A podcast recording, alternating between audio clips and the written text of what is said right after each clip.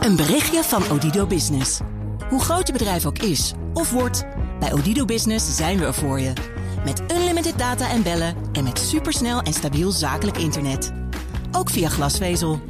Ontdek wat er allemaal kan op odido.nl/slash business. Het kan ook zo. Dit is een BNR-podcast. Wetenschap vandaag.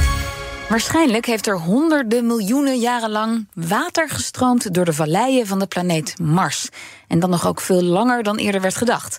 Dat bespreken we met wetenschapsredacteur Carlijn Meinders. Nou, Carlijn, dat klinkt heel sprookjesachtig. Is wel moeilijk voor te stellen als je nu die beelden van die droge, stoffige planeet ziet.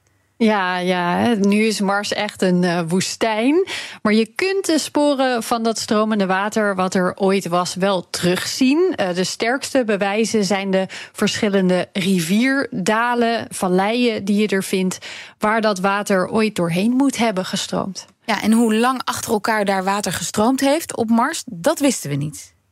Nee, dat is een van de grote vragen. Eerst was het is er überhaupt ooit water geweest? Nou, dat lijkt nu toch wel echt zijn, te zijn bewezen. Mhm. Toen werd het, uh, hoeveel was dat dan? Hoe lang en wanneer? Uh, we weten wel dat die rivierdalen meer dan 3 miljard jaar geleden moeten zijn ontstaan. En er zijn ook eerdere onderzoeken geweest naar hoe lang het moet hebben geduurd voordat water dalen heeft kunnen uitslijten. Dat moet minimaal tienduizenden jaren hebben geduurd. Maar dat, ja, dat vonden onderzoekers nog lang niet precies genoeg. Want dat zegt nog niets over wanneer er hoeveel water stroomde, bijvoorbeeld. Oké, en in dat nieuwe onderzoek hebben ze daar dan naar gekeken? Ja, de, dit onderzoek was het werk van planeetwetenschapper Alexander Morgan van het Planetary Science Institute in de VS. Hij heeft naar inslagkraters in die rivierdalen gekeken om erachter te komen wanneer en hoe lang er water moet hebben gestroomd. En hoe zie je dat aan zo'n krater dan precies?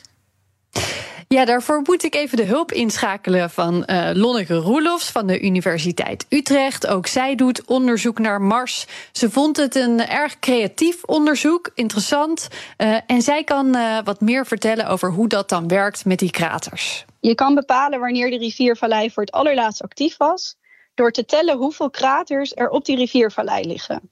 Want meteorieten slaan in op een planeet en hoe meer kraters je hebt, hoe ouder dat oppervlak. Wat zij hebben gedaan, is ook gekeken naar oude kraters die juist ingevuld zijn door de rivieren in dat netwerk. Dus dat zijn dan kraters die er al waren voordat er een rivier stroomde? Ja, precies. En die rivieren die vulden die kraters eigenlijk door de tijd heen op met sediment. En dan kan je met numerieke modellen kan je berekenen hoeveel nou, sediment er in die opgevulde kraters zit en hoeveel water over tijd je nodig zou hebben om die op te vullen. En daarmee kan je dan dus eigenlijk zeggen: oké, rivieren transporteren vooral zand als ze heel hard stromen. Uh, dat is ook zo bijvoorbeeld in de Rijn. Dus met de hoogwaterafvoeren die we nu hebben, dat zijn de momenten dat er heel veel sediment wordt meegevoerd. En dan juist in de zomer stroomt er wel water, maar wordt er geen sediment echt meegenomen. Dus als je dat soort ideeën een beetje meeneemt, dan kan je eigenlijk uitrekenen dat het zo lang duurt om die kraters op te vullen.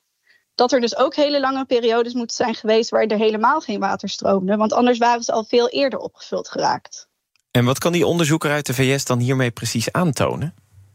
Ja, hij toont hiermee nu eigenlijk aan dat dat water mogelijk wel dus die honderden miljoenen jaren moet hebben gestroomd. Dat is ontzettend lang, maar uh, dat dit niet aan één stuk door was. Dus dat dit afgewisseld werd eigenlijk met langere, drogere periodes. Ja, als je het zo zegt, klinkt het een beetje zoals de seizoenen.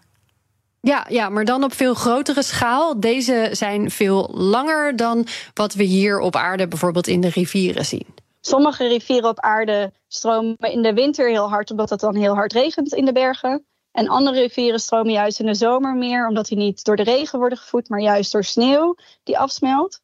Dus wij hebben eigenlijk een soort jaarlijkse cyclus van die activiteit in rivieren. Maar wat hij eigenlijk zegt, is dat uh, die periodes op Mars waarschijnlijk niet door seizoenen zijn beïnvloed, maar door langere, ja, soort van planetaire orbitale cycli, die we ook al Milankovitch-cycli noemen. Dus op aarde stimuleren die ook het komen en gaan van ijstijden. En dat het waarschijnlijk op dat soort tijdschalen uh, heel lang droog is geweest, met een kortere periode van natte activiteit. En heeft uh, Lonneke Roelofs zelf ook wat aan deze uitkomsten? Nou, het sluit eigenlijk wel mooi aan bij haar werk. En wat ze tot nu toe heeft ontdekt, dat het eigenlijk een veel complexer systeem is dan lange tijd werd gedacht. Uh, Roelofs kijkt uh, wel naar de latere tijd op Mars tot en met nu, dus actueler dan dit onderzoek. En dan niet naar waterstromen, maar naar modderstromen. Dat doet ze in het lab. Uh, daar kijkt ze naar die stromen van stenen en zand op Mars, die niet door water aangedreven worden, want dat is er niet meer, maar door een ander seizoenseffect. Er vormt ijs op het oppervlak in de winter. Dat is geen waterijs, maar dat is CO2-ijs. Dus wat hier het broeikaseffect veroorzaakt, slaat daar als sneeuw en ijs op het oppervlak neer in de winter. En dat gaat weer tot gas over, dat noemen we sublimeren, in de lente. En dat gaat zo explosief dat dat eigenlijk als het ware uh, de zand en de grote rotsblok uit elkaar kan duwen. En op die manier langs de helling ook kan laten stromen. Aha. En hebben we daar op aarde ook wat aan hier? Hier zelf op onze planeet, aan dit soort kennis? Ja, ik denk dat voor beide onderzoeken geldt dat, dat het belangrijk is voor planetenonderzoek in het algemeen. Voor het begrijpen van wat er voor nodig is om leven te kunnen laten ontstaan. Maar ook voor het snappen van hoe riviersystemen in verschillende omstandigheden werken. Je moet out of the box denken. En daarmee komen we misschien wel weer tot inzichten die we voor het rivierenonderzoek op aarde of het bergonderzoek hier op aarde juist ook weer goed kunnen gebruiken. Oké, dus ook heel belangrijk voor ons hier. Zeker. Dankjewel, Carlijn. Een berichtje van Odido Business. Hoe groot je bedrijf ook is of wordt, bij Odido Business zijn we er voor je. Met unlimited data en bellen en met supersnel en stabiel zakelijk internet.